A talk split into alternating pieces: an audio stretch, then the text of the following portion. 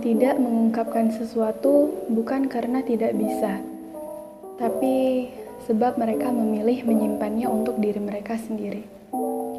Padahal itu bukan hal yang baik jika terus-menerus dilakukan. Kasihan hati bila dipaksa menahan banyak hal dan sia-sia Tuhan ciptakan mulut untuk berbicara bila kita nggak menggunakannya sebagai jalan untuk bercerita. Benar, kalau nggak semuanya bisa kita bagi kepada orang lain.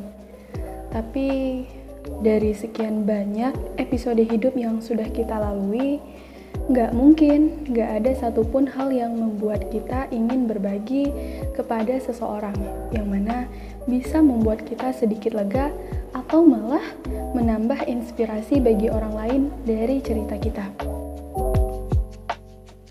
Sebab setiap perjalanan hidup manusia itu berharga dan sama-sama punya maknanya. Minimal bisa menjadi berarti bagi dirinya sendiri. Dan karena itu, aku memilih untuk tidak ingin menyimpan nilai-nilai hidup ini sendirian. Aku ingin berbagi banyak cerita, mendefinisikan berbagai macam makna, mengajak teman-teman semua untuk menemukan setiap hal-hal yang istimewa atau mungkin sekadar berbagi sesuatu yang sedang ribut di dalam kepala. Siapa yang tahu?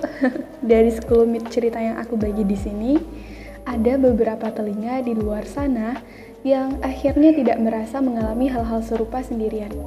Atau baiknya, ada hikmah yang bisa diambil dari apa yang aku ceritakan nanti. Karena saat ini, aku belum mempunyai apa-apa selain setumpuk cerita. Maka, sudah siapkah menjadi telinga bagiku yang hendak bercerita? ah, sampai lupa. Panggil aja aku Sasa. Aku harap kita bisa menjadi teman dengar dan teman cerita yang baik di sini. Bismillahirrahmanirrahim. Selamat datang di podcast Aku Ingin Didengarkan.